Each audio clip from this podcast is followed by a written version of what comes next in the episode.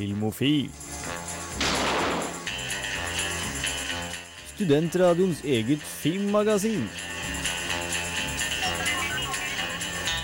Lights ready, all set. Cameras. Velkommen, velkommen! Nå er det torsdag, og dette er Filmofil. Og vi skal gjøre noe ganske spennende i dag, for vi skal ha vårt første intervju. Oi! Vi får eh, storfint besøk av Silje Engnes, som er festivalsjef for Kosmorama, internasjonale filmfestival. Og det får vi fordi vi rett og slett skal snakke om filmfestivaler, så slapp av. Før hun kommer, skal vi ha lært deg alt som er å vite. Med meg i studio i dag så har jeg Trine på teknikk, og jeg har August. og Jan Markus. Ja, Unnskyld. hei. Det er meg. Det er deg. Eh, jeg heter Frida. Vi skal, eh, før hun kommer, skal vi få høre Trines anmeldelse av Inferno. Ja. August og Trine har også hørt, eh, vært og sett på American Honey, som Ja. gikk oss litt eh, under radaren forrige uke. Så dere skal fortelle litt om den. Men før det skal vi høre Kappekoff med Oktober. I think it's over. Vi filmofile ser jo masse film, så siden sist har vi også kanskje sett noe. Ja, Markus, du kan få starte. Hva har du sett siden sist? Jeg har sett uh, litt diverse filmer, men det jeg har lyst til å snakke mest om, er faktisk en serie. Og det er den nye storsatsingen av HBO som heter Westworld. Oh, ikke snakk for, ikke spoil for mye, for jeg har ikke sett det ennå. Jeg vil vente. Og jeg vil, Ja, nei, jeg skal, jeg skal ikke Jeg skal unngå å spoile noe. just don't do it! Um, men jeg synes det er en serie som i hvert fall appellerer til meg på kanskje litt mer enn det Game of Thrones-nivået. Rett og slett bare av settingen og tematikken. For det er jo en sånn lofi, uh, sci-fi-setting med veldig sånn western uh, Veldig western-tematisert, da, kan man si. Ja, for handlingen, hva er egentlig det? Det er at de er i et sånn virtuelt spill, er det ikke? Det er et virkelig sted. Og nå jeg Nå skal jeg ikke si ting som spoiler noen ting. Eh, Dette, dette er alt som avslører Dette avsløres innen liksom de første fem minuttene av serien. ja, ok. Eh, Men de er da i Westworld, hvor turister kan betale og rett og slett oppleve alle sine fantasier. Hvor de da har eh, roboter som er ekstremt menneskelige. Og så går på en måte det samme døgnet på loop, sånn litt sånn Groundhog Day-aktig. Hvor da disse robotene eh, blir på en måte nullstilt ved hver, eh, hver natt. Så det blir jo litt sånn etisk sånn Hva er det å være menneske? Når er man menneskelig nok? Og så blir det veldig mye cool action HBO-style. Og sex, da, selvfølgelig. Hva, hva vil du sammenligne serien med? Og det er litt vanskelig å si, men uh, det morsomme er jo at du får jo på en måte eh, det blir litt, en veldig merkelig sammenligning, men litt sånn Assassin's Creed. Fordi du får, du får det hypermoderne eh, Du får det hypermoderne kombinert med på det gamle, gamle og historiske. Og så kan du på en måte tillate alle mulige sånn uh, westernfriheter. Sånn, ja, men det våpenet hadde de ikke da, og sånn ville de ikke gjort sånn. Fordi hele parken er jo laget for å være for publikums oppfatning av western. Så de kan på en måte romantisere så mye man vil. uten at Veldig, det- veldig. Ja, ikke sant? Ja. Kult! Så Trine? det er en serie jeg vil anbefale. Ja. Trine, hva har du sett? Ja, jeg, jeg, jeg har, um, abonnement på Viaplay, så tenkte jeg bare. Jeg skal sjekke hva som ligger der. Og så jeg bare, jeg trenger en koselig film å se på, for jeg har jeg sett Perks of Being a Wallflower tidligere, så jeg har sittet og grenet i en sånn halvtime etterpå. Den, var, den er trist, den. Fy fader. Det er trist. Men jeg fant uh, The Parent Trap med Lindsay Lohan. Å ja! Foreldrefellen! Jeg fant den igjen og satt og så på den. Jeg, bare sånn, jeg, merker, jeg elsker den fortsatt like mye som da jeg var lita. Ja, er den sjarmerende? For jeg, Jeg husker mest at den de er kaster dopapir på hverandre. Men det skjer kanskje i starten? er det det du sitter igjen med av den filmen? Det er i starten jeg er med på den campen. Ja, ja, for da kaster de dopapir på hverandre, ikke sant? Det er Mer eller det. mindre. Hun, hun uh, fyller hele hytta til hun ene med dopapir. Mm. Og etc. Mitt uh, minne av den var jo da vi så den på en måte Hadde vikarlærer, og er sånn de ruller inn TV-settet, den gamle rør-TV-en. Er sånn ja, Vet du hva, I can't even, liksom. Så la oss se en film. Og jeg husker jeg var så fascinert av Men liksom, hvordan, hvordan klarer de å få to av henne? Jeg husker Det var første gang jeg hadde sett det i en film, så jeg var, jeg var blodfascinert.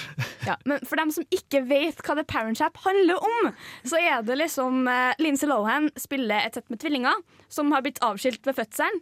Og så klarer uh, foreldre, jeg bor til mora, jeg bor til faren, så klarer begge to å sende dem på samme camp en sommer. Så møtes de. Så planlegger de at vi skal bytte plass, så vi kanskje får foreldrene våre sammen igjen. Det er Disney-film, er fordi det ikke? når vi, jo, det er det. Når vi bytter plass, så må de jo, når de finner ut, så må de jo bytte oss tilbake igjen. Dette er en vanntett plan.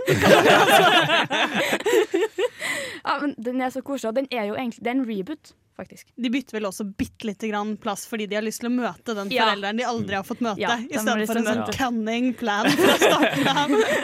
Men jeg bare ser for meg på en måte det rettsoppgjøret hvor dommeren er sånn Vet du hva?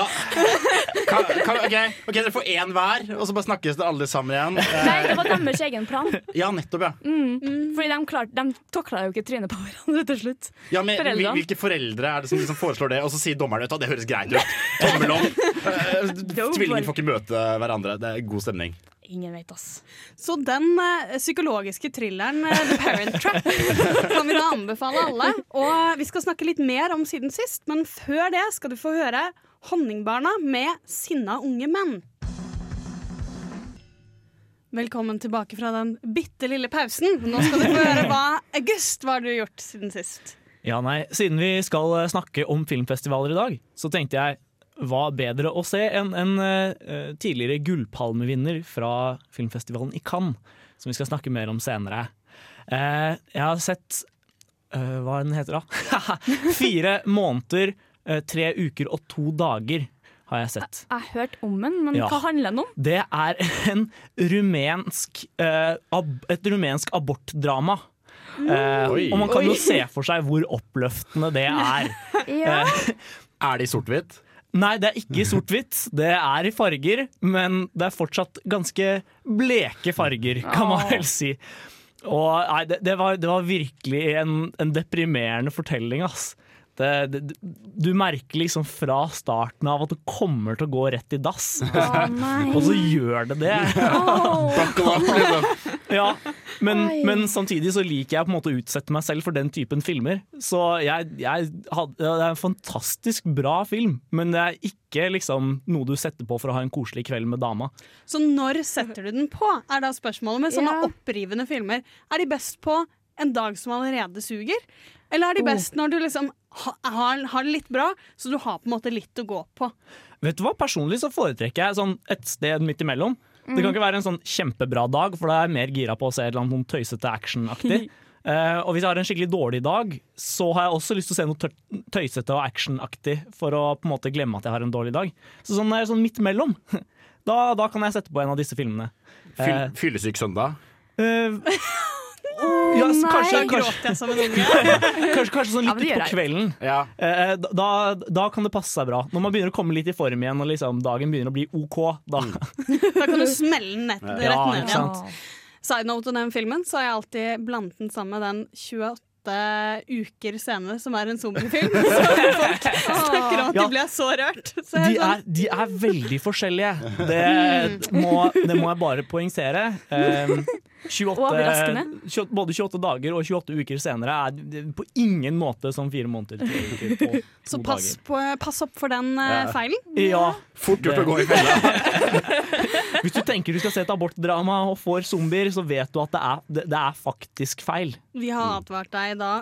Uh, jeg har sett, siden sist, Harry Potter nummer Åh. tre. Nummer Nei, nummer to! Jeg så nummer, to. Nummer to. Fordi Nummer to. det glemte vi å nevne forrige uke, for da gikk det jo Harry Potter-maraton. Men det nevnte vi Ja. uka før der igjen. Okay, det var lurt av oss Så det- det da du fortsatt Så dra. jeg som, jeg som hadde nyheter, husker godt at jeg gjorde det, fordi det var når Jan Markus sprang ut av studio. For, jo, men jeg var veldig trist for at jeg ikke kom meg på Harry Potter-maraton. Jeg har vært det før, det var Ah. utrolig fint. Og så kjente jeg jeg trenger litt Harry Potter i livet mitt. Åh. Så når jeg begynte på eh, begynte på å skulle komme Jeg skal komme meg gjennom alle filmene. Ja. Men jeg gjorde den store feilen å være sammen med to stykker. Om avtalen sånn, ja, ja, men vi, vi tre ser dette her. Å samle tre stykker for åtte filmer Ja, det er litt vanskelig. Vi har ikke fått sett treeren, for å si det sånn. Men jeg vil eh, anbefale alle sammen, og hvis du har den dårlige dagen Når du er så langt nede at du ikke orker eh, fire uker, to dager Filmen Fire, til fire august. måneder, tre dager og to Nei, ah, fire måneder, En tre uker og to stund god senere. Senere. Så ta, ta og se Harry Potter. Det, vet du hva? De holder seg bedre enn jeg skulle trodd. Altså. Ja. Ah, Men, men akkurat de to første syns ikke jeg hadde holdt seg så bra da jeg så de opp igjen for et år siden. Nei, altså Det er jo litt barneskuespillgreier, Ja. men jeg syns Ja. eneren er så, så mye verre. Så den hoppet jeg faktisk over. Ja, og og så er det noe med registilen til han eh, Chris Columbus som er veldig sånn Det er jo regissøren bak Hjemme alene-filmene. Eh, og det føles veldig som på en måte ja, litt den hjemme ale Du får litt den hjemme alene-filen, da. Og jeg syns ikke det egentlig passer sånn kjempegodt til Harry Potter-universet. I hvert fall ikke sånn som filmene utvikla seg senere, for det, jeg, liker, jeg liker de veldig godt. Men jeg syns egentlig det er fint hvordan de drar deg inn i noe sånn magisk og fint og flott. Og Den her er helt klart litt mørkere enn eneren. Ja. Ja. Og så kan de på en måte bryte det så veldig opp i treeren, og da har du på en måte fått noe Du er litt trygg i verden, da. Sånn at når den først plutselig kommer en sånn truende massemorder, så blir man sånn ah, dette var jo litt ubehagelig. Ja. Ja, og, og treeren er jo også første filmen hvor man begynner å liksom se at de kan spille litt. Ja. Ja. Det, Det er veldig sant. det skjedde først da. Og altså, de fikk Alfonso Cuarón som regissør, og han er jo Mm. OK skuespillerinstruktør. OK pluss. OK pluss, vil jeg si. Så eh, nok en anbefaling fra Filmofil. Du hørte det først her. At Harry Potter 2 er egentlig ganske grei. Eh, vi skal få en eh, kjapp prateanmeldelse fra dere to, som har vært og sett American Honey. Men før det så skal vi se Nei, skal vi høre Stein Torleif Bjella med 'Alt rundt er det samme', som snart kommer til Trondheim. Ja, da skal dere Da skal vi rett inn på en anmeldelse som eh, som ikke gikk den Altså Premieren var ikke denne uken, så det blir ikke en ordentlig anmeldelse. Men dere skal få den anmeldt. Nemlig American Honey. Som er eh, regissert av M Andrea Ar Arnold. Jeg kaller henne bare Andrea, jeg. Andrea Ja. Arnold. Fornavn og greier. Ja. Andrea, Andrea Arnold. Arnold. Og det var da eh, August og Trine som var og så på. Ja. Ja, vi var og så den på kino i går, og Yes. det er eh, ja, det er, det er en varm anbefaling på, eh, på alle måter. Oh, ja. Um, filmen er jo veldig i tråd med, med dagens tema. Nok en eh, film fra Cannes-festivalen. Eh, den hadde premiere i Cannes i sommer og fikk veldig gode mottagelser blant eh, kritikerne. Oh, og. Andrea Arnold vant vel en jurypris for filmen. For jeg har jo jeg har sett denne her blitt hylla litt i eh, aviser og sånn, som liksom dette er årets Ja. film. Og hvorfor er den det? Um, altså, jeg syns kanskje ikke det var helt årets beste film. Det må sies. Nei, den, den dro seg litt ut på slutten. Den er eh, to timer og tre kvarter lang. Ja. Ja. Um, Og det, det merka man litt siste kvarteret, i hvert Ja, fall. den, de første to og en halv timene gikk veldig, veldig fort. Ja. Og så plutselig så bare Ja. Så det sier jo noe om at filmen har kvaliteter, da, når to og en halv time føles som det bare Ja. går unna. Um, men uh, Ja, hva, hva handler det om? Det Jeg regner med at det ikke er sånn birøkterdokumentar eller noe i liksom, Midtvesten-USA. det hadde vært veldig morsomt hvis det var det. Uh, Nei, dette handler da om um, Star, Ja, som Star. er en eh, sørstatsjente som har litt sånn uh, komplisert familie, kan man vel mildt sagt si. Ja. Hun passer på halvsøsknene sine. Um, og de har en eh, far som virker heller kjip. Uh, men som plutselig på kjøpesenteret en dag møter gjengen til Shia LaBeouf.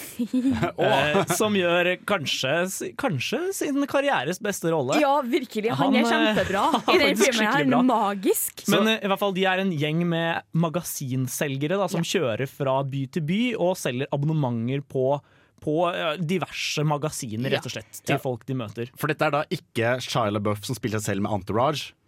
De møter, de møter Shia LaBeouf og en gjeng som spiller ikke Shia LaBeouf. Nei, nei han, Ja, spiller, ok. han spiller en karakter som heter Jake. Ja. Ah. Som er liksom beste, beste selgeren i Ja, gjengen og greier. Da. til Crystal, som er hovedbitchen.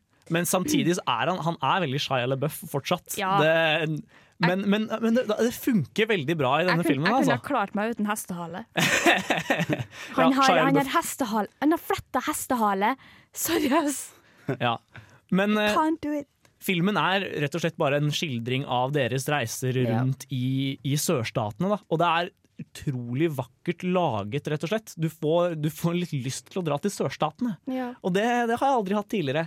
Eh, Så, altså, fotoarbeidet er helt fantastisk. Det er kjempebra, og du relaterer deg så godt til ungdommene som er i filmen. Uansett om du Mm. ikke har det samme livet som dem, så kan du relatere deg til liksom, De har drømmer som de ikke vil si til folk. De vil gjerne klare seg sjøl. Ja, det er, det er det er rett og slett veldig lett å, å sympatisere med dem også. Ja. Selv om de gjør masse teite ting, så, så har de hele tida gode grunner til å Ja. gjøre de, de dumme valgene de tar. Da. Det er veldig sant. Så er dette her en ungdomsfilm, eller liksom coming of age? Unge eh? voksne. Men, men ja, på en måte en coming of age, Ja. men den utspiller seg ikke over så et stort tidsrom. Nei. Selv om hovedpersonen vokser veldig mye i det tidsrommet. Altså, jeg har sett en annen film av uh, Andrea Arnold uh, som heter Fish Tank. Og jeg tror kanskje det er en av de fæleste filmene jeg har sett. Sånn, den var ikke grusom på noe av det som skjedde, men veldig grusom sånn emosjonelt. Og det jeg har hørt om American Honey, er veldig at den er, som dere sier, at den er så Du tar, kommer veldig inn i deres følelsesliv. Ja. Og det kan jeg veldig se for meg ut fra hvor eh, jævlig den forrige var. Hun er, hun, er, hun er jo god på å liksom plukke ut sånn den nerven som gjør det litt vondt å se på. For den, den, den, den har en fin balansegang mellom å være for vond å se på og helt nydelig å se på. Ja. For det var et par scener der jeg satt og bare Nei, la meg synke i gulvet, vær så snill. Ja, for eksempel en scene der i, i starten av filmen hvor faren, eller stefaren Det var litt vanskelig Nei, å jeg tror det er faren til ungene. ja, men Farsfiguren, i hvert fall. Farsfiguren da, Ja. står og skal, er ganske full og skal ha henne til å danse med henne i stua. Du ser helt tydelig at hun ikke vil danse med henne i stua, men han klemmer henne inntil Ja. seg. Og det, er, det, er, det var skikkelig opprivende også, å se på. og så kutter de bort før scenen blir ferdig, og så Ja. er det du sitter her og bare sånn Hva var det som skjedde nå? Ja. Men, men så går de Men når de, når de kommer ut på veien, så er det plutselig så er plutselig disse vonde følelsene erstatta av noen yrende kjærlighet. Og det er liksom, den, den klarte å balansere det utrolig godt. Ja, kjempebra. Så en flott uh, film, denne Ja. American Honey. Vi anbefaler rett og slett den òg. Ja, Ja, ja. altså. Du hørte hos Filmofil først. Nå skal du få NAO med Happy. Filmofil gir deg nyhender fra filmen og fjernsynets i spanende vær. Trine, Ja. hva har du med til oss i Yay! dag? Jeg har litt. Jeg har litt. Der, ja. Jeg skal bare finne frem boka mi. jeg har noe Disney-nytt, Yay! faktisk. Er det ikke Disney-nytt hver uke nå? Jo, fordi det er mer live action Disney-nytt. Åh, Fordi Aladdin skal mest sannsynligvis bli gjort om til live action-film. Med Guy Ritchie som regissør. Ja, men det kan jo Det kan jo funke. Jeg ser for meg Jason Statham som en sånn litt småbrun eh, Aladdin som løper gjennom gatene. Og så liksom så stopper I sakte film så er det han liksom løper fra vaktene med liksom et brød under armen. Og så kommer den der eh, britiske dialekta. Sånn, ja, du lurer sikkert på hvordan jeg havna her. For dem som ikke vet hvem Guy Ritchie er, da, så har han jo regissert de siste Sherlock-filmene. Og Sherlock Holmes. Ja, Og Sherlock Snatch og Lock, Stock og Two Smoking Barrels. Man from Uncle. Ja, Man from Uncle, ikke minst, som gikk veldig under radaren, men det er verdt å se. Rock'n'rolla, Ja, det òg. Som er helt lik de, andre, de to første filmene hans. Ja. Han lager egentlig mye det samme. Men for meg så var Rock'n'Rolla den første Guy Ritchie-filmen jeg så, så jeg har et veldig godt forhold til den. Så så jeg liksom Lockstock etterpå og bare Oi, dette var like kult! Og så så jeg Snatch, og det var liksom Dette har jeg sett før. Eh, Så det er liksom feil rekkefølge på det. da. Ja, for jeg tror kanskje det er det som er mest spennende med det. At Guy Ritchie, selv om alle gliser litt her når vi snakker om han, han har ikke det største liksom, spekteret. da. Nei. Han har den filmen, og så bare gir han det igjen og igjen og igjen. Ja. Nei, jeg vil Det vil si eh, Game of, uh, eh, A Game of Shadows, den oh, andre Gud, Sherlock. Holmes-filmen, var jo litt annerledes på en måte, men ikke på en bra måte. Nei, ikke på en bra Den var måte. veldig kjedelig. Nei, er vi positive, folkens? Siden vi ikke har Hans her, er vi positive. Ja, vi anbefaler alt i dag! Jeg har litt Leonardo DiCaprio-nytt, da, faktisk. Fordi han har lyst til å lage en film uh, om Captain Planet. Nei. Det var en TV-serie For deg som ikke vet hva Captain Planet er, det var en TV-serie som gikk på 90-tallet, som handla om liksom veldig um, miljøbevisste ungdommer som hadde fire ringer. Når de slo de ringene der sammen, så tilkalte de helten Captain Planet. Men det gir jo det gir jo på en måte I settingen i dag sier litt mening, fordi Leonardo DiCaprio har blitt veldig sånn uh, miljøverner. Ja. Og uh, det er jo også Nå rebooter de alt som kan krype og gå av uh, superhelter. Så jeg ser jo hvor det kommer fra. Men uh, spesielt for oss som kanskje ikke har noe forhold til Captain Planet og bare har sett litt sånn småcorny Saturday, uh, Saturday Cartoons-klipp på YouTube, så eh, er det nødvendig? Jeg vet ikke, for han kommer jo snart ut med dokumentar om miljøet. Samtidig han godeste Leonardo DiCaprio. Kanskje vi kan liksom anta at den gjør en bedre jobb enn eh, Captain Planet muligens kommer til å gjøre. La, la oss håpe det. Er? Ja, ja. Nei, Lunken, anbef lunken glede seg. Nei. Lunken anbefaling! uh, visste akkurat det så kom en Shrek 5. Har det vært en Shrek 4? Ja! Ja. ok. Ingen fikk den med seg. Jeg gjorde det, jeg så den, og den var ræva. Er det den man får baby? Nei. Det Det er Shrek 3. det. Er det Shrek, Å, eller, steike. nei, Shrek, jo, Shrek 4, når han går til Rumpelstiltskin og ønsker at han liksom aldri ble far. Ja. Det er mørkt. Ja.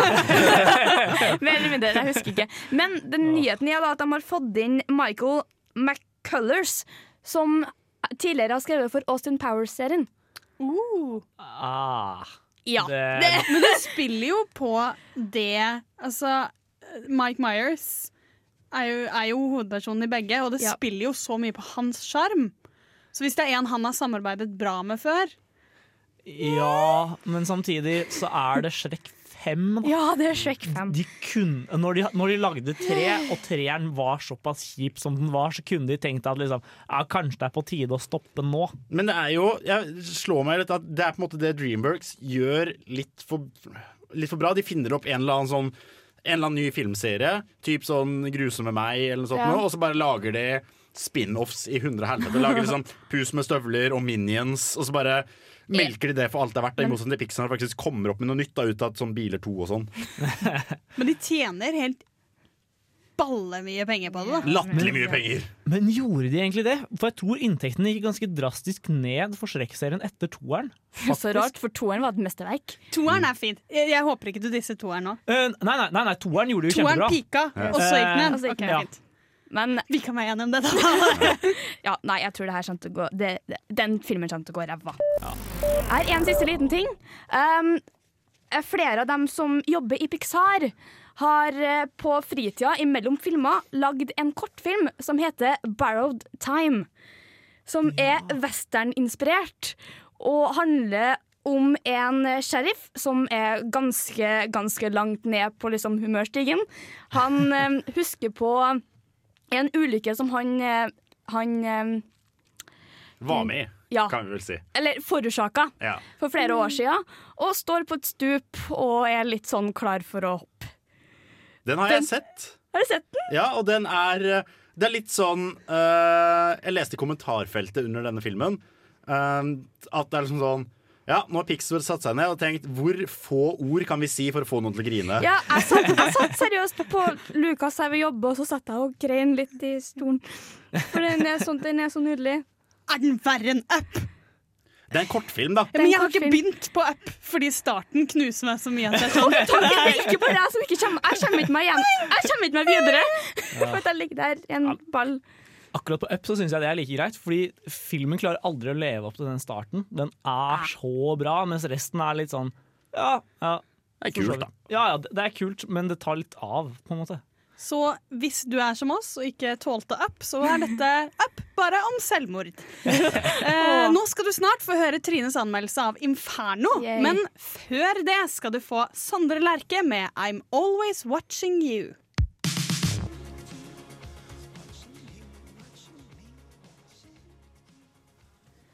Trine! Ja. Du har vært og sett en film du har gledet deg i hele dag til å presentere for oss. Det liksom, jeg hadde gledet meg skikkelig til filmen her. Filmen er Inferno. Det er den nye liksom, Dan Brown-adaptasjonen. Og jeg elsker Da Vinci-koden og Engler og demoner. Filmene? Ja. Du elsker faktisk filmene? Ja, okay. jeg gjør det. Så det er syns- standarden? Jeg syns sånne filmer er så jævlig morsomme. Ok. Det er liksom, jeg elsker National Treasure med Nick Cage, så det er liksom sånne typer sånn skattejakt og lete etter ledetråder ledetråd og sånn. Jeg sånn, åh! Jeg er veldig fornøyd. Så man ville jo anta at hvis filmen var bra, så ville du komme til å like den. Ja. Liker du den? Nei. Ja, da får vi nesten bare høre hvorfor. Det er nå sju år siden sist gang vi så en filmatisering av en Dan Brown-bok. Nå får vi Inferno. Jeg må få sagt med en gang at jeg er veldig fan av de to første filmene i serien. Men det gjelder ikke den her. Det er nok en gang Ron Howard som har regien og har laga en film som virkelig ikke holder mål mot de to forrige filmene i serien. Det virker som han prøver å lage en Jason Bourne-film her i gangen her. Was I given an injection? When? At the hospital. With, uh, with hypodermic? No, no. You were intubated. Anything you got came through the IV. Not at the hospital. I was fully dressed. I was in the back of some car at some point in the last two days. And something was injected into my bloodstream, and now I'm showing signs of an illness. What if?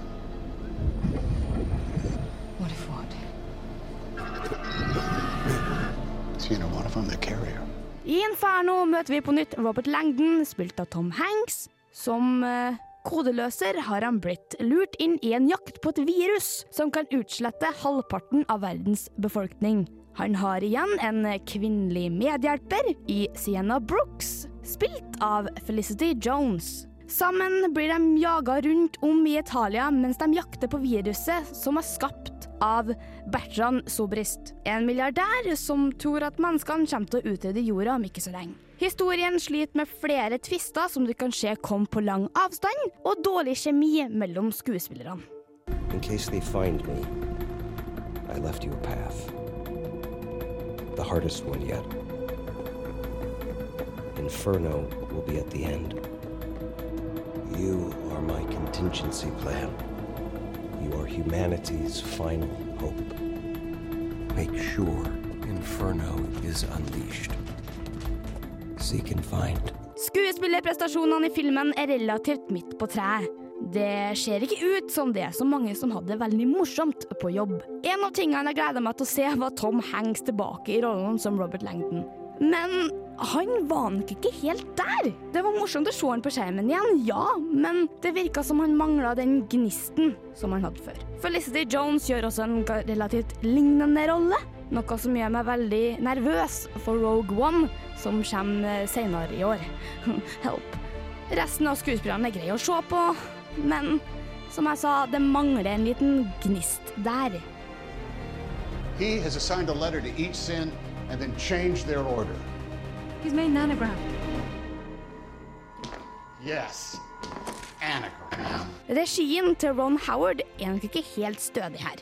Det er enkelte scener man egentlig ikke trenger. De kommer liksom bare inn for å fylle tida i filmen, så den kan bli to timer lang. Filmen har ikke så mye som går for seg, dessverre. Bortsett fra fine bilder av byer og kunst i Italia. Filmen tar seg sjøl altfor seriøst.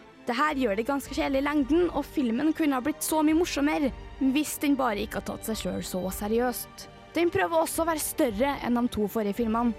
Den følger trenden til mange av filmene nå til dags, men den trenger liksom ikke å gjøre det. Fordi det er så mye morsommere når det er mindre scope i sånne type filmer. I found this in my old jacket. It's a biotube. They're used to transport dangerous substances. What are you doing with it? I have no idea. Inferno brukte nok ikke all sitt potensiale. Det som kunne blitt en spennende kamp mot tida, ble nok bare en relativt kjedelig film uten spenning. Og for mange tvister som virkelig ikke var nødvendig. Alt i alt så klarte nok filmen å ramle inn i eh, Dantes Inferno. Jeg kunne ikke la være med den siste der. Jeg bare, jeg må ha den med. Ja, spiller, spiller den på måte på Den guddommelige komedie om Dantes Inferno? Ja, det er? Dantes Inferno, fordi liksom, en av ledetrådene er Dantes Inferno, og Ja, ringene på helvete har blitt flytta om fordi anagram. Ja. Ja, for da jeg så traileren, så så det veldig ut som den prøvde å være Seven, egentlig. Altså, den, den har veldig mye av de dødssyndene og liksom Nei, ikke helt. Det, det, det er mer det. Det er en gal, en litt vel gal og eksentrisk milliardær som bare eh, Jorda kommer til å gå under relativt snart. Vi må kutte ned halvparten av jordas befolkning relativt kjapt. Ja, altså, og sånn er litt boka også. Dan Ah. Brown pleier å skrive veldig mye sånn symbolsk, enten det er frimurere Ja. eller Mm. Dante eller eh, pavelige greier. Så han på en måte tar, tar alltid et eller annet eh, litt sånn sexy historisk tema, og så bare melker det for det som er. Mm. Og jeg ja, elsker det. Men det er liksom, jeg leste avslutning Eller jeg var inne på Wikipedia og leste avslutninga på boka. Jeg likte den så mye bedre enn avslutninga på filmen. Å nei, har de forandret? Ja, de har forandra. Fordi det her er jo den nyeste boka til Dan Brown, som Ja. kom ut etter uh... Den boka kom ut i 2013. Ja, nettopp. Så det, de hoppet over The Lost Symbol, som skulle Ja. skje i USA, Mm. og handle mye mer om frimurere, og så hoppet de Mm. rett til den her, som eh, skjer i Italia. Ja. Jeg tenker jo alltid, akkurat med, den, med Dan Brown sine bøker, så skjer jo alltid all action på sånn de største, mest turistifiserte stedene i verden. Ja. Så jeg lurer sånn på hvordan de får det til. Det er liksom, jeg syns det funka så bra i de to første filmene, for da var det, det var litt mindre scope, som jeg liker å si. Jeg kommer ikke på et ordentlig godt norsk ord for scope. Landskap. Omfang. Ja, okay. men Ja. Det, for det, Ja. det er liksom, da, da dro de ikke så veldig langt. Hele tida. De dro liksom innafor visse områder overalt. Og her var det liksom bare Vi skal ha det kjempestort, vi skal ha det overalt! Det må liksom være så mye mer som står på spill. Litt som James Bond, at liksom bare hopper rundt på alle kule stedene i Ja, verden. og så liksom bare la oss i en hukommelsestap og la det bli nesten Jason Bourne samtidig. Et, Det kan jeg si at det skjer ikke i boka. For det er liksom, Han får hukommelsestap, så han husker ikke hva han har gjort de siste to dagene, og så kommer liksom Jo, minnene tilbake rel relativt sånn spredt. Og det er så dårlig filma, og det blir så øh, Jeg er litt, er litt sur, OK? Så selv om man uh, liker uh, eventyr om skjulte skatter-filmer, så er den her faktisk ræva. Den er faktisk ræva. Den er det, altså. Det er sjelden vi sier dere. Ja. Men det er liksom, Vær så god, Inferno. Fordi, fordi den, kunne, den kunne ha vært så bra og så morsom, men så tok den seg så jævlig seriøst. Hele tida. Og plot-twistene var dritdårlige. Det var bare sånn Så klart det der skjedde. Ja, Så da avslutter vi rett og slett eh, eh, dagens linje med anbefalinger med å ikke anbefale Inferno. Jeg anbefaler langt ifra Inferno. Du kan gå og se den hvis du vil, men eh, Synd for deg. Men ikke gjør det, sier egentlig vi. Nå skal vi snart over til det vi er her for å prate om, nemlig filmfestivaler. Men før det skal du få Flume med Like Water.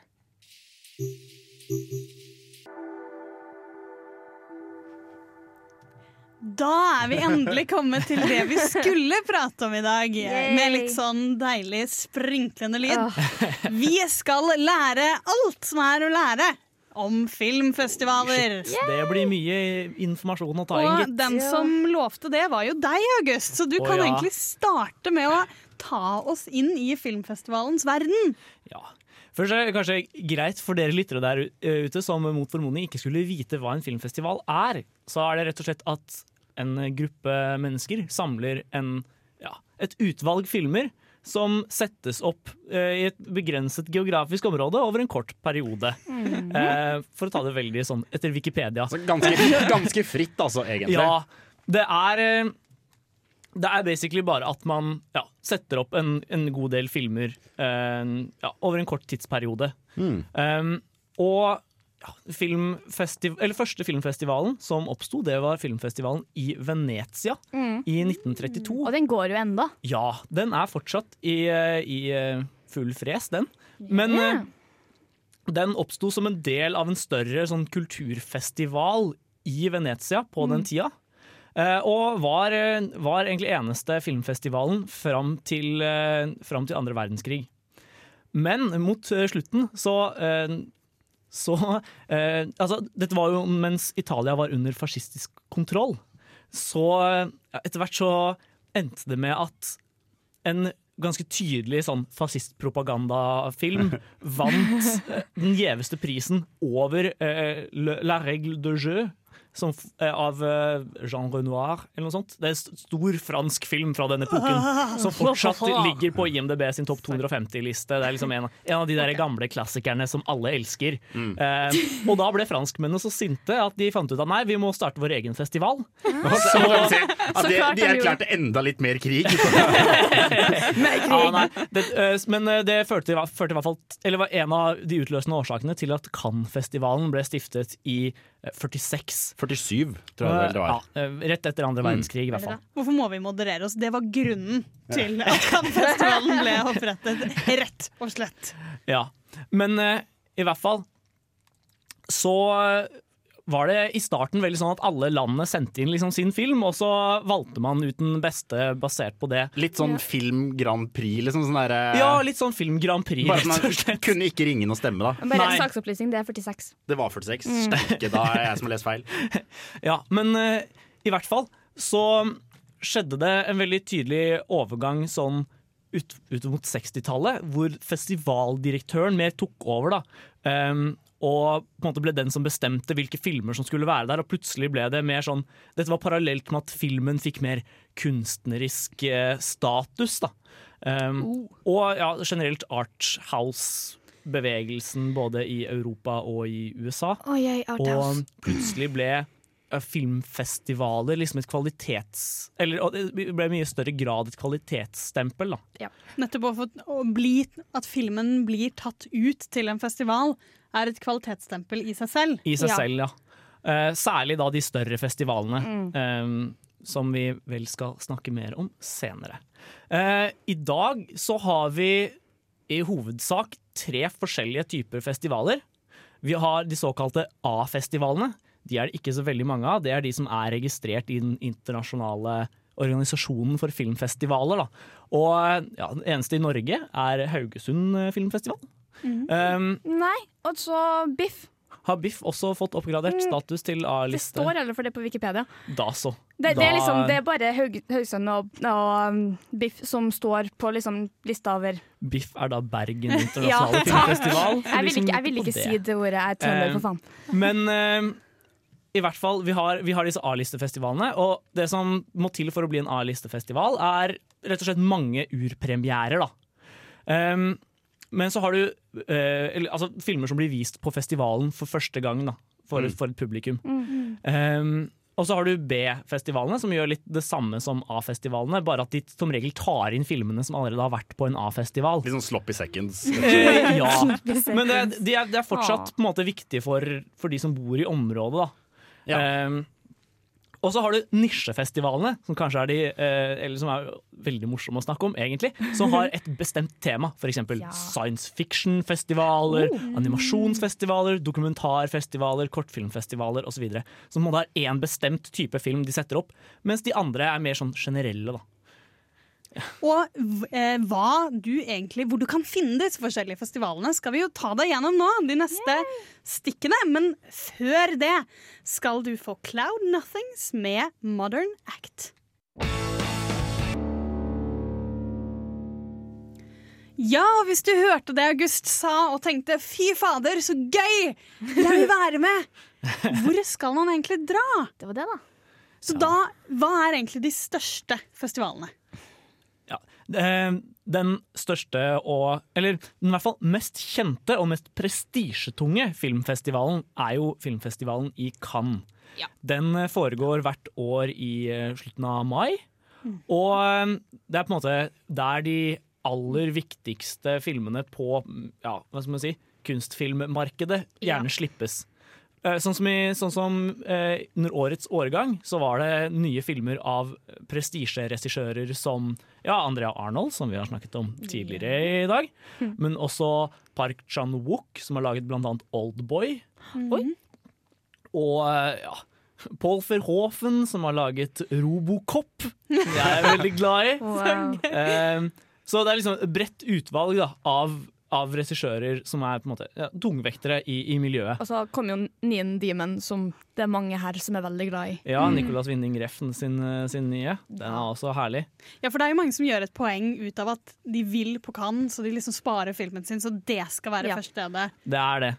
Det, det er rett og slett et veldig viktig markedsføringspunkt også, fordi det er så utrolig mye presse til stede. Mm.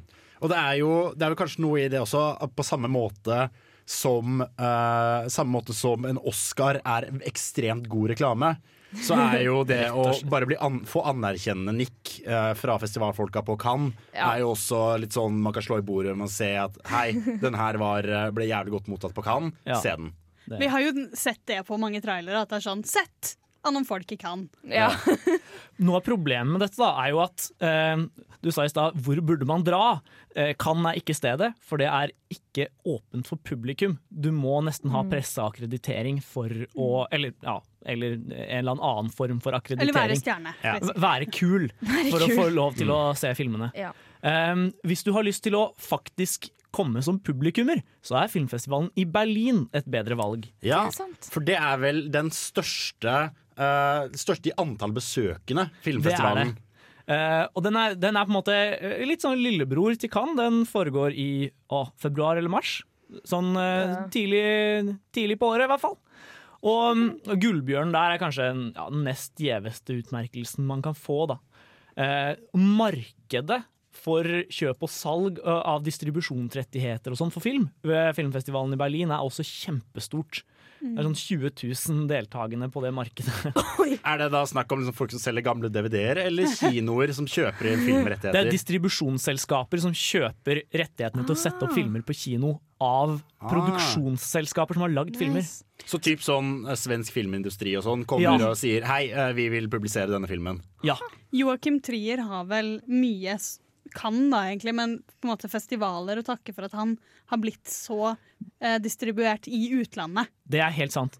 Og Joakim Trier sin 'Louder Than Bombs' oh, var jo Gud. første norskproduserte filmen som eh, var i Cannes på 36 år i fjor. Ja, det er sant, Så, det. eh, Fader. Og det er ikke så rart, Trier, for han den, er- er, den filmen er magisk. Den er Han- fantastisk. Sendte vel faktisk en av de tidligere filmene sine også, men da ikke som en jurypick. Nei, ikke i hovedprogrammet, som det heter. Det er de som kan Ja. vinne Gullpalmen. Den ble vel satt opp i uh, En certain regard, som er litt mer sånn ja, Dette er, dette De er finnes. spennende filmer, Dette er spennende filmer men de er ikke, de er ikke helt uh, viktige nok til at vi kan ha dem med i hovedkonkurransen. Så vi er vel enige Det er vel omtrent fire store som er kanskje de mest kjente.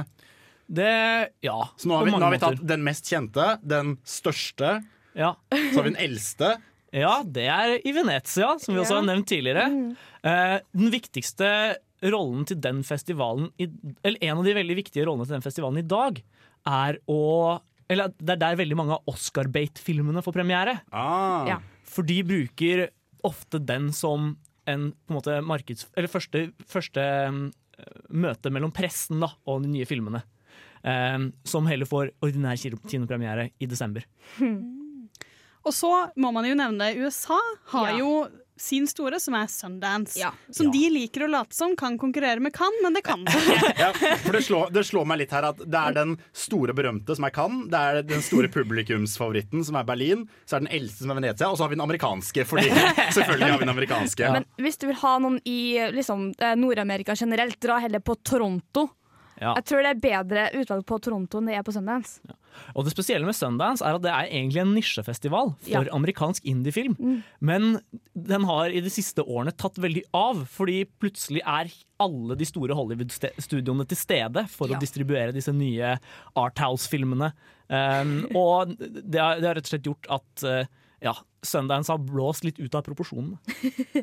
Så hvis du vil på en av de største, så er det dette her vi foreslår. Men vi skal faktisk ta Vi har funnet våre personlige favoritter. Så vi skal ta deg gjennom noen andre spennende internasjonale rett etter du har fått høre Lars Vaular med 'For ung til å dø'. To foran og fire på midten. Ja! Da skal alle få presentere sin internasjonale favoritt. Og vi kan starte med deg, Trine. Oi, yay. um, jeg var bare og kikka litt. Det er liksom Jeg fant en som heter Hiroshima International Animation Festival. Det høres skikkelig koselig ut. Ja, det gjør det! Det høres kjempekoselig ut. Tydeligvis så ble den skapt i 1985, og den ble ehm, eh, Jeg har ikke fått lest meg opp så mye på det, så den ligger, den ligger liksom her, så kan du ta meg først. Um, den, Handler om animasjon. den ble liksom satt til Hiroshima fordi det, det var jo der, Det var et av stedene der det var um, det, Somebody help me, Hiroshima. Bombing. Ja. Ja, takk. Ah, Så det liksom Det, det. For å gi dem noe kulturelt. Ja, og liksom få en festival for fred, da, og så ha det et sted der noe har skjedd. Men noe som er litt morsomt, er at eh, en um, liten norsk animasjonssnurt som heter Angry Man, vant i 2010. Nei!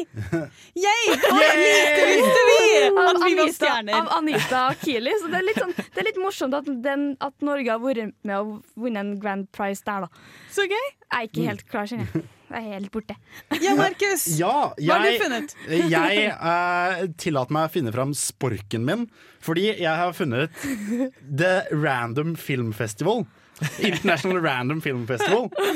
Som uh, selvfølgelig drives av noen unge voksne. Jeg tror ikke dette er en godkjent A-list-festival, for den hadde, den hadde debut i 2012. Um, og det er da en film som tar inn tilfeldige filmer. Deler ut tilfeldige priser eh, til tilfeldige vinnere. Wow. Og Så du kan få en pris for en film du ikke har laget? Eh, du kan, nei, du kan Nei. få for eksempel uh, Det er ikke helt satt på forhånd hvilke priser som skal deles ut. Så det trekkes tilfeldig hvilke priser. Så for eksempel i fjor var, eller nei, i 2014, som var sist gang denne her var. For det er også tilfeldige uh, steder og tilfeldig tidspunkt når det arrangeres. Så neste gang er i Saudi-Arabia i 2017. Um, og prisene var for eksempel sånne ting som liksom eh, Årets skilpadde, eh, årets gullskje og årets mannlige skuespiller. Som deles ut tilfeldig, eh, helt tilfeldig, til en da tilfeldig plukket film. Så jeg liker på en måte iveren i det, og hvor det utfordrer å ta litt useriøst på hele den filmfestivalgreia. Den kan bli litt pretensiøs. Ja, for noe av Grunnen til at denne festivalen ble oppretta, var vel at de, de var så lei av måte, hele festivalsirkuset. Mm. Og de, de syntes at liksom, små, små kortfilmer som ja, noen hadde lyst til å vise fram til verden, da, også burde få en sjanse. Så man kunne bare sende dem inn, og så ble det trukket tilfeldig. Så kunne alle ha liksom, de samme sjansene. Liksom en slags sånn parodi. Jeg er også veldig fascinert av festivalen. Men eh, hvilken festival har du tatt med til oss? Vet du hva? Jeg eh, gikk for eh, den internasjonale bartefilmfestivalen. Eh, International Mustache Filmfestival. Wow. Eh, hvor man da ja, det, det er rett og slett en festival for filmer som involverer noen med bart. Så dette er vel kanskje en nisje, da? Nisjefestival. Temmelig nisjefestival. Eh, jeg husker ikke farta hvor den ble, ble avholdt. Men eh, de de deler ut priser for eh, sånne ting som ja, beste bart, beste kyss med bart og ja, generelt barterelaterte priser. Og jeg har med en som eh, også er en nisjefestival, men kanskje ikke så rar. For det var egentlig en jeg tok med til deg, Jan Markus. Og det Oi. er Camerimage, eller jeg vet ikke hvordan man uttaler det. Men en polsk festival for cinematografi. Og det er eneste festival, filmfestivalen som fokuserer mest på eh, cinematografi. Og de har veldig mye program for eh, nykommere. Så de har mye kurs og sånn. Og tydeligvis en spennende sak hvis du er interessert i cinematografi. Nå skal vi snart snakke om ukens hjemmelekse. Men før det skal dere få høre Cancer med Die One More Time.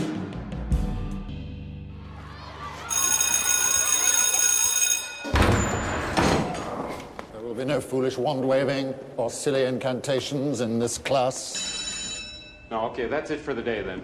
Today, we have a similar debate over this. Anyone know what this is, class? Anyone? Anyone? Anyone seen this before? Ukens hjemmelekse. Er Tree of Life, som Åh. har vunnet Gullpalmen.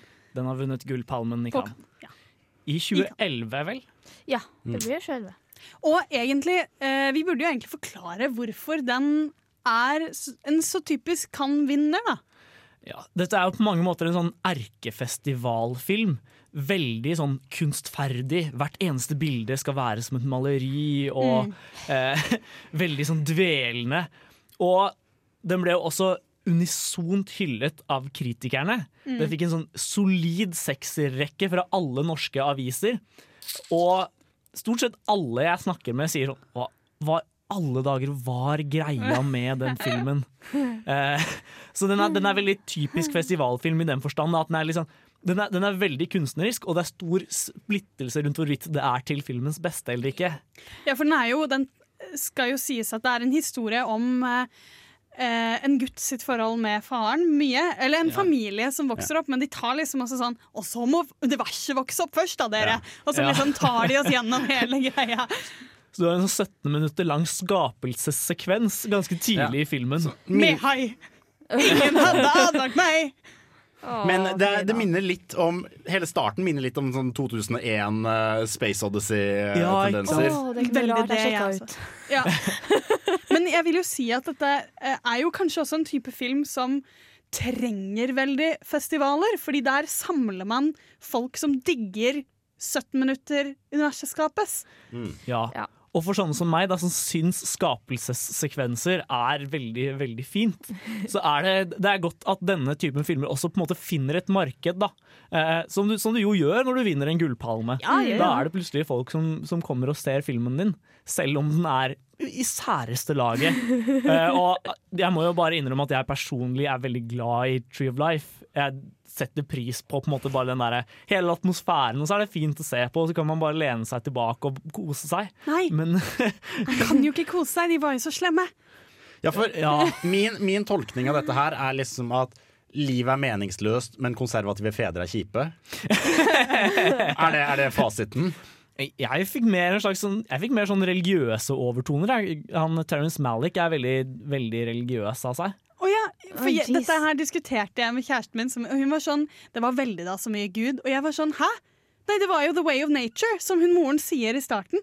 Sånn splittende film, denne saken, altså. Jeg, jeg kom meg en halvtime inn i filmen, jeg, og så slo han av. Jeg Så tror- bland, blandede kritikker. Fra Filmofil, men ellers strålende kritikker fra Cannes. Ja, Men ikke fra publikum ellers, da. Det, den ligger på sånn 6,1 tror jeg på IMDb, for Åh, eksempel. Folk er for mye lik meg, tror jeg. Men det er jo også et eller annet med at sånne filmer kanskje får så mye igjen, da. Og fra å ha Kan som sier dette er en Kan-film, og så kan Ja. alle augustene der ute Ja. gå og være sånn yay! 17 minutters skapelse. Ja. Og så kan vi andre holde oss litt usikkert unna. Nå skal vi snart få besøk av Silje Engnes fra Kosmorama. Så eh, vi skal ut og prate med henne, men du skal få høre eh, Ivan Ae og Fred Fades med 'Fruitful'. Let the moon gone by.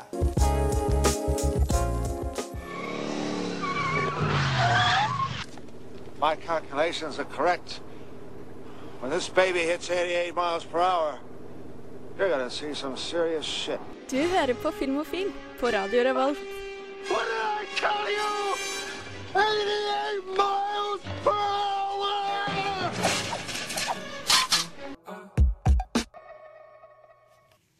Ja! Velkommen til deg, Silje Engnes. Engenes. Takk for det. Du er jo leder av eh, Kosmorama, så du skal jo fortelle oss mer om deres visjon. Men vi har egentlig like mye hentet deg inn fordi du er en fast festivalgjenger. Ja, det er jo noe av det morsomste som er med å få lov til å være leder av en filmfestival. Det er jo at du også kan få besøke mange andre filmfestivaler rundt omkring i verden. Så da har vel du egentlig en del tips til oss hvis vi skal på en filmfestival. Hva burde vi satse på? Skal vi finne ut noen filmer å se først? Skal vi se alt? Hvordan, hvordan griper du an en filmfestival? Jeg prøver alltid å sikte ut noen som er spesielt interessert i. Og så blir du jo litt eh, overrasket underveis. Det hender jo at noen av de du har hoppet mest på, ikke på en måte oppfyller helt det du hadde hoppet på. Det er lov å snu i tide, og det mener jeg også på Kosmorama. Det er lov å se en halvtime, kanskje mindre enn det òg, hvis du kjenner at dette er jo ikke helt meg. det vi jobber med med filmfestivaler, det er jo veldig mye å skape følelser hos publikum. Eh, og det kan ha alt med dagsform å gjøre. Noen filmer er jo En dag har du sentimentale følelser og har lyst til å grine litt når du er på kino, andre dager har du mest lyst til å le. Eh, så det, det er på en måte Magefølelsen betyr utrolig mye når du går inn i en kinosal. Så det er noe av det jeg tar med meg når jeg reiser rundt i verden og skal se film og tenke hm, passer dette for Kosmorama? Magefølelsen, og passer det for Trondheim? Er det noen sånn do's and don'ts hvis du er helt ny for eh, filmfestivaler? Er det noen på en måte salater du kan tråkke i, eller er det Jeg tenker Hvis du liksom begynner å menge deg med kultureliten oh, det var herlig at du sa det ordet der. Jeg har akkurat vært ute og kost meg med kultureliten. Eh, Jeg vil si at det er befriende få salater å tråkke i når det er på en filmfestival. Um, Det er eh, sånn at filmen er jo spilt inn, så du fornærmer ikke noen skuespillere. Nei. hvis du snur og går. Um, utover det så vil jeg jo si at eh, det er lurt f.eks. å tisse før du går inn i salen. At du slipper å liksom unnskylde deg forbi 20 andre publikummere og gå på do. Eh, og så er det jo sånn som i andre sammenhenger, skru av mobiltelefonen. Ja. Ja. Så rett og slett god gammeldags kinoetikette. Kinoetikette, folkeskikk, du kommer langt med det. Ja. Ja. Er det mer deltakende publikum på eh, filmfestivalet, føler du, enn i en vanlig kinosal? Ja, absolutt. Vi har jo eh, noen av de her gamle, gode studentene. Altså, da tenker jeg liksom våre foreldre besteforeldre som kanskje traff hverandre på filmklubben når de var eh, 20-25. Kanskje på Samfunnet eller der omkring. Eh, de er jo veldig ivrige nå på å gå på Kosmorama fra morgen til kveld hos oss. Eh, og de er kjempeengasjerte. Kommer bort til meg sånn 'Nå har jeg sett fem filmer i dag, Silje'. Og jeg bare 'oi, det er mer enn jeg har sett på en dag'. Kult! Ja. Ja, nei, jeg, jeg har selv eh, vært et par ganger på Kosmorama, og jeg hadde en veldig god opplevelse da jeg gikk og så uh, Evil Dead. Fordi vanligvis når du ser en skrekkfilm på kino, så er det veldig sånn blandet publikum. Men akkurat på Evil Dead under Kosmorama så var det kun ihuga skrekkfilmfantaster. Og alle var så med på hva Evil Dead var. Det var virkelig en, virkelig en fantastisk god filmopplevelse. Ja, og med det du skulle Vi har jo bedt deg om eh, å ta med en god en sang som ukens filmlåt fra en god festivalopplevelse du har. Hva er det du har med til oss? Du, jeg har med en sang fra filmen Carol, som var vår åpningsfilm i fjor. Ja, ikke sant? Ja, jeg var Herlig. der. Jeg var på åpninga. og satt der og bare, åh. Jeg var på Kosmera for første gang i år, så. Å, så hyggelig. Jeg tror vel Trine så vel en, du så vel en 20 filmer eller noe Ja, sånt. jeg nå. gjorde det. Jeg gapte vel litt for mye. Det var enkelte jeg ikke dro på i det hele tatt. For jeg bare Jeg er så trøtt, jeg må hjem og legge meg. Men det er herlig å høre. Vi elsker det at folk ser masse film hos oss, og på en måte Carol er jo veldig nært hjertet mitt. Og eh, det er jo på en måte en film med masse gode tidsbilder i, og det ser du også med musikken her, at det, det maler et tidsbilde fra en tid langt tilbake. Og med det skal du få høre Billie Holiday med 'Easy Living'.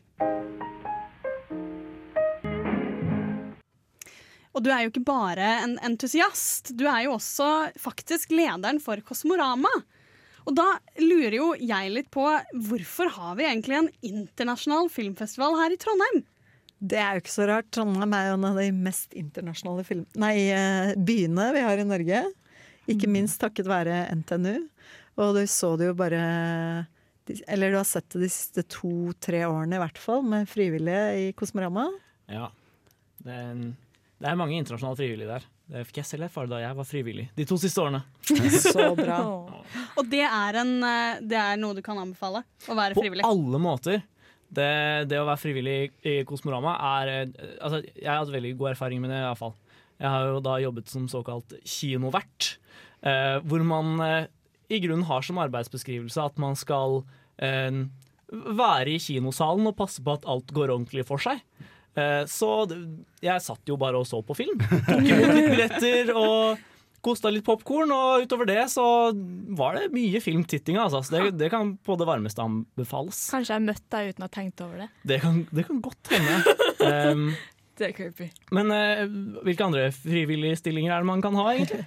Det er jo alt mulig, da, men utover det så må jeg jo si at en god kinovert er jo gull verdt. selvfølgelig. Eh, men uh, det er mange ting du kan eh, involver deg i det hvis du har lyst til å være frivillig hos oss. Vi har jo alt fra at vi har eh, studenter som hjelper oss med informasjonsarbeidet. Og jeg syns jeg er ganske god på det sjøl, men jeg skjønte at jeg begynner å bli litt dinosaur i forhold til sosiale medier. Så vi er utrolig syns det er veldig gøy da når vi på en måte har en stab som er fra rundt 20 til eh, Nå begynner vi å bli vel rundt fra 20 til rundt 50. Det er bra. Dekke alle tiår. Er det litt visjonen deres? Å bringe alle i Trondheim til eh, god film? Helt klart. Altså det å se film på kino, det er en sosial greie. Det er på en måte mye morsommere. Jeg elsker jo Netflix og alt det der, men å sitte sammen med en hel gjeng som digger samme filmen, det er fantastisk. Du nevnte jo at det er på en måte disse gamle pensjoniststudentene, om vi kan si det, som på en måte stolt går og forteller om alle filmene de har sett. Men hvem er den typiske Kosmorama-besøkende? Finnes det en sånn en? Ja, vi driver og ser litt på det for tida. Vi, vi har mange studenter. Det tror jeg du også som gammel kinovert kan skrive under på. Det, det er det. Ja. Og så har vi mange litt sånn eh, unge Hva skal vi si? Når du er litt ferdig med å være student og begynner å Unge voksne? Ja, unge voksne var det fine. Det var det jeg lette etter. da. Vi som er litt i tidsklemma etter det, da, med litt sånn eh, barn og alt det der, vi kan bli litt fjerne i blikket og tenke tilbake. Å, det var deilig. Men da er det kjempekult å av og til kunne si også da til eh, både studentene og de som er eldre at eh, når du går på festival, du kan godt sette av en dag eller to og se kjempemye film. Men du kan også ha én dag og sikte deg ut én eller to filmer. Mm. Jeg digger begge deler. Jeg synes det er veldig gøy å gå både å se mange, mange filmer på rad, og det å på en måte ha en sånn Nå har jeg på en måte et stevnemøte med denne filmen her. Ja. Men apropos eh, ja, å gå og se, eller hvordan man ser filmer, hva slags filmer er det dere pleier å ha på Kosmorama? Hva slags profil pleier dere å ha? Ja, vi sier jo at vi er mangfoldets mester, og det syns jeg er veldig Mm. riktig. Det er på en måte jorda rundt på 80 filmer, sier vi. Eh, vi har jo masse kule filmer fra absolutt eh, overalt. Mm. Og så er det veldig lett å si sånn ah, litt smale filmer. Men for eksempel da, for to år siden så vant jo en film som er sett av hele Sør-Amerika. Altså det er Argentinas mest sette film. Eh, eh, den er jo ikke sett av kjempemange i Trondheim, men vi har jo også et stort søramerikansk miljø i Trondheim. Så når den kom til Kosmorama, så hadde de mobilisert da. Så den ble jo mest sett og vant en publikumspris hos oss. Vi kommer jo til å invitere deg tilbake eh, Ja. til Filmofil når Kosmorama nærmer seg. Når er Mm. egentlig det? Det er i uke ti, og uke ti det er vi, det syns vi er så fint. og det er den uka som har 8. mars i seg, så det er lett å Mm. huske. Vi er fra 6. til 12. mars, og det er både veldig lenge til og veldig nært. Og Ja. vi gleder oss kjempemye og håper å se veldig mange på Kosmorama i 2017. Vi gleder oss også Yes. masse. Men først må vi få høre 'Tusen takk for at du kom'. Og nå skal dere få høre Mikael Paskalev med 'Witness'.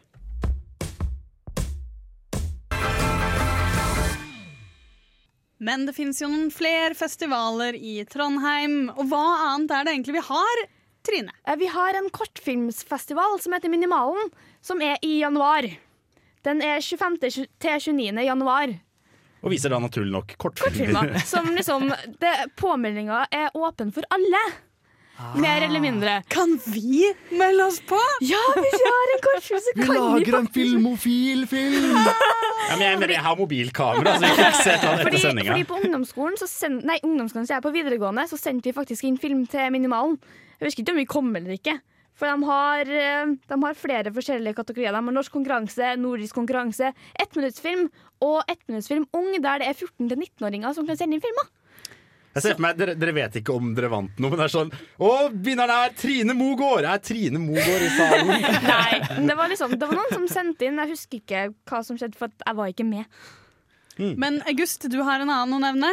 Ja, Dette er jo ikke i Trondheim, da, men det er i Oppdal. Oppdal! Eh, der har de skrekkfilmfestivalen Ramaskrik. Som er nå? Den, start- er nå denne den- helga. Den starta i dag, Ja, og så så, var den til den 23. så hvis du er skrekkfilmfantast, så er det bare å kaste seg på toget til Oppdal. Og de har jo egentlig et veldig kult konsept, fordi de kjører ikke bare film.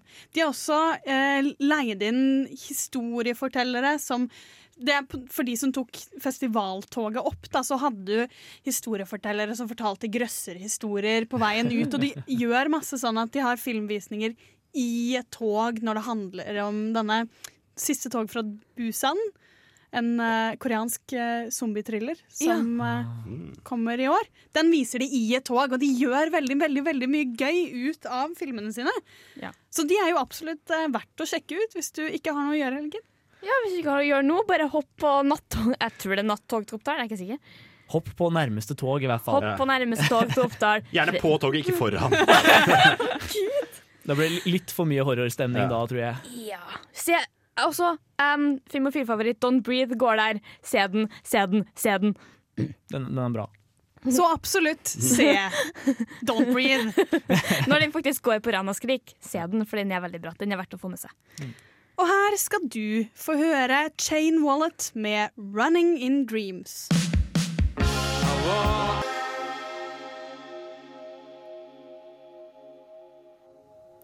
Da, var, da kan vi alt som er å kunne om filmfestivaler. Yay, så deilig for oss! Mm. Og med det så skal vi ta oss videre inn i neste uke. Og neste uke skal vi snakke om uh, noe som har vært aktuelt, men nå er det ferdig igjen. Nemlig Sofia Coppola. For samfunnet har de siste to søndagene vist to av hennes filmer. Virgin Suicides og Lost in Translation. Begge fantastiske filmer. Jeg har ikke sett uh, Virgin Suicide. Jeg skulle egentlig, men Jeg skulle også egentlig, men så endte jeg på lykke med å spise middag isteden. Men vi eh, sender da med dere som hjemmelekse Lost in Translation med en liten fotnote om at hvis du bare har sett Lost in Translation, så bør du kanskje se en liten film til. Det må Og da jeg kan gjøre, vi da. kanskje anbefale, da. Virgin Suicides. Eller eh, jeg vil jo anbefale The Bling Ring. Litt, fordi Og det er sant, det er den Emma Watson er sexy. Emma Watson spiller en karakter Emma Watson sjelden gjør. Olø! En fin film. Eh, kanskje litt overskygget av Spring Breakers. Vi kommer til å komme tilbake til dette her. Eh, for nå er vi ferdig med denne ukens sending. Og vi vil si- en ekstra stor takk til Silje Engenes fra Ja. Kosmorama som kom og pratet med oss og guidet oss gjennom hva vi skal gjøre på festival. Ja. Hvordan vi skal se filmer, og hvordan vi ikke skal tråkke i noen salater. Og bare hvorfor Kosmorama er så fantastisk. Så kom dere på Kosmorama, får vi vel sende med som en, den siste varme anbefalingen fra Ja. i dag. Og det har vært Trine. August. Jan Markus. Og Frida. Ha det bra.